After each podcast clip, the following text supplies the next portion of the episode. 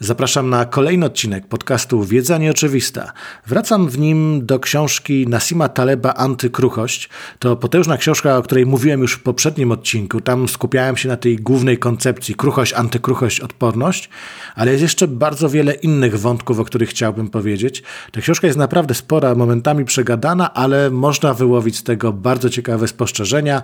One nie wszystkie wprost wiążą się z antykruchością, ale na pewno skłaniają do przemyślenia tego, jak działa ekonomia. Wiele z tych rzeczy jest nieoczywistych, więc pasuje to do tego podcastu. Bartłomiej Biga, zapraszam serdecznie.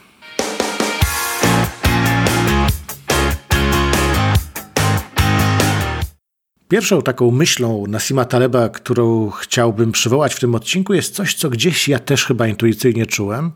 E, Taleb pisze, że jako członek chrześcijańskiej mniejszości na Bliskim Wschodzie może zaręczyć, że handel, szczególnie drobny, to najlepsza droga do tolerancji. W jego ocenie wręcz to może być e, jedyna droga do jakiejkolwiek formy tolerancji. I rzeczywiście, kiedy przeanalizujemy historię, to najlepszym sposobem unikania wojen jest zorganizowanie handlu, że jest on bez bezpieczny i przynosi korzyści obu stronom. I też to wcale nie musi być wielki międzynarodowy handel. Można tutaj zdać się na tą przedsiębiorczość ludzi, na te drobne ruchy, czasem nawet przygraniczne, bo one sprawiają, że nagle ten człowiek po drugiej stronie rzeki czy gór już nie jest naturalnym wrogiem, tylko źródłem mojego zysku i y, do tego takiego zysku, gdzie dzieje się to w przyjaznej atmosferze. Dlatego to jest taka myśl, o której zdecydowanie warto pamiętać. Drugą rzeczą, która uważam naprawdę działa na wyobraźnię, jest to, że te nasze drogi innowacji, udoskonalania produktów, tworzenia coraz bardziej użytecznych rzeczy są czasami bardzo kręte, bardzo długie, bardzo wyboiste i takie, że patrząc z dzisiejszej perspektywy, aż możemy się łapać za głowę, jakim cudem ludzkości zajęło wynalezienie czegoś tak wiele. I gdybyśmy na przykład przyjrzeli się kwestii koła, które zostało wynalezione przez Mezopotamczyków mniej więcej 6 tysięcy lat temu, y, to jeżeli do tego dołożymy fakt, że walizkę na kółkach wynaleźliśmy znacznie później, bo to mamy lata 70. XX wieku, to aż w głowie się nie mieści, że mając już od wielu lat walizki, znając koło od 6 tysięcy lat, te dwie rzeczy udało się nam połączyć tak późno. To znaczy, że wcześniej wysłaliśmy na przykład człowieka na księżyc, zrobiliśmy coś, zrobiliśmy coś tak niewyobrażalnie trudnego technicznie, Natomiast walizka na kółkach pojawiła się później. To taka rzecz, która naprawdę jest trudna do wyjaśnienia. Wydawać by się mogło, że jeżeli mamy koło, mamy walizkę, to połączenie tego nie jest czymś trudniejszym niż misja kosmiczna. Okazuje się, że nawet tak trywialna technologia, ale taka, która ułatwia życie, która ma potencjał komercyjny, która będzie od razu wykorzystywana na całym świecie, nie pojawiło to się z jakichś względów, więc to nasze ograniczenie myślenia czasem, czasem jest naprawdę bardzo zaskakujące.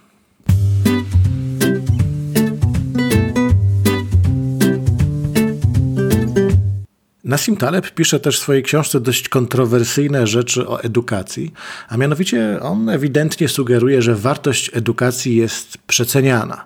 To znaczy, z punktu widzenia jeszcze osobistego, konkretnej jednostki albo rodziny, można znaleźć uzasadnienie dla inwestowania w edukację, ale on twierdzi, że na poziomie kraju pozytywne efekty z zwiększonej edukacji w zasadzie nie są obserwowane. Oczywiście to dotyczy już takich dzisiejszych czasów, gdzie to zwiększenie sprawia, że więcej ludzi kończy studia wyższe, a nie, nie jest analfabetami, no bo walka z analfabetyzmem, powiedzmy jeszcze da się obronić w tym rozumowaniu Taleba, czyli rzeczywiście poprawia dobrobyt w danym kraju, ale już to, że większa część społeczeństwa kończy studia, jego zdaniem niekoniecznie. I on mówi, że w takim razie być może nie powinno być tak, że państwo zbyt dużo inwestuje w tę edukację wyższą, z czym z przyczyn oczywistych zgodzić się oczywiście nie mogę. On twierdzi, że my mylimy przyczynę, to znaczy to nie jest tak, że rozwój społeczeństwa jest skutkiem wyższego poziomu edukacji, ale to wyższy poziom edukacji jest skutkiem rozwoju społeczeństwa. On twierdzi, że ta edukacja, owszem, jest użyteczna, ale z punktu widzenia konkretnej osoby czy rodziny, gdzie, tak jak on podaje tutaj przykład, że edukacja w pewien sposób stabilizuje dochody rodziny w kolejnych pokoleniach. Kiedy jakiś kupiec zbijał fortunę, to stać go było na to, żeby jego dzieci wysłać na Sorbonę, albo żeby te dzieci zostały lekarzami, albo sędziami. I rodzina dzięki temu zachowuje majątek, wręcz on jest pomnażany, bo te dyplomy ukończenia studiów pozostają dla nich cenne, pozwalają im być nadal w klasie średniej, albo nawet jeszcze w tej klasie średniej jakoś awansować.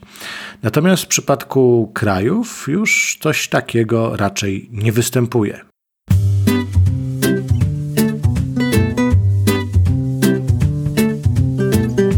I wreszcie coś, pod czym podpisałbym się obiema rękami. Taleb twierdzi, że ekonomia jest prosta i nie ma co jej specjalnie komplikować, bo im bardziej skomplikujemy jakiś model, tym bardziej będą nam umykały zupełnie podstawowe rzeczy. I musimy pamiętać o tym, że ekonomia nie jest nauką ścisłą y, i z tego wynika to, że wiele rzeczy może tutaj się dziać intuicyjnie i na wszystko musimy mieć wzór. On w ogóle uważa, że im bardziej tworzy się skomplikowane modele, jakieś strategie, tym one bardziej odbiegają od rzeczywistości, która jest tak bardzo złożona, że im bardziej próbujemy paradoksalnie coś doprecyzować, tym bardziej odchodzimy od tego. Czasami lepiej zdać się na zupełną intuicję, bo przecież to nie jest tak, że y, jeżeli ktoś nie zna teorii gier, to sobie nie poradzi na targu. I wręcz jest odwrotnie. Były takie próby, że ktoś próbował to, co wiemy z teorii gier, czyli z tych wszystkich y, wyliczeń, jak powinien się człowiek zachować w sytuacjach niepewnych, w kontaktach z innymi ludźmi, czyli na przykład w negocjacjach, w różnych takich sytuacjach życiowych. I to, co wynika z teorii gier, na prawdziwym targu po prostu nie działa. Tam ci kupcy postępują według jakichś innych reguł i radzą sobie znacznie lepiej niż ktoś wyposażony w tą teorię. I dobrym przykładem na to wszystko może być fakt, że przecież dzieci nie za bardzo znają prawa aerodynamiki, nie potrafią rozwiązać równania ruchu, ale i tak nauczą się jeździć na rowerze, więc ta znajomość teorii czasem nie pomaga, czasem wręcz przeszkadza, jak na targowisku. Znowu, to nie znaczy, że w ogóle ekonomia nie potrafi nic wyjaśnić, natomiast nie powinniśmy jej traktować jako nauki ścisłej i próbować wyprowadzać wzoru na wszystko. Wbrew takim założeniom, że ekonomia to nauka, która potrafi coś zawsze dobrze wyliczyć, jest to, że tak naprawdę często rola ekonomistów sprowadza się do stworzenia pewnej narracji, bo jeżeli ta narracja jest dostatecznie przekonująca, to ona rzeczywiście może zmienić świat. To znaczy, jeżeli ludzie uwierzą w to i to będzie oparte jednak na jakichś e, racjonalnych podstawach, to odpowiednio zbudowana narracja, mimo że na początku wydaje się czymś ulotnym, wręcz jakimś mirażem, może przekuć się w coś zupełnie konkretnego. Czyli nie możemy oczekiwać od ekonomistów niemożliwego, czyli proszę mi wyliczyć, co to będzie. Nie możemy zakładać, że tylko mając wiedzę ekonomiczną jesteśmy w stanie dobrze prowadzić biznes, bo w swoim życiu zbyt wielu świetnych biznesmenów spotkałem, którzy teorii ekonomii nawet nie minęli na korytarzu. Ale pozwólmy działać ekonomii i ekonomistom tam, gdzie rzeczywiście mogą być potrzebni. To wszystko w tym odcinku. Do zobaczenia wkrótce.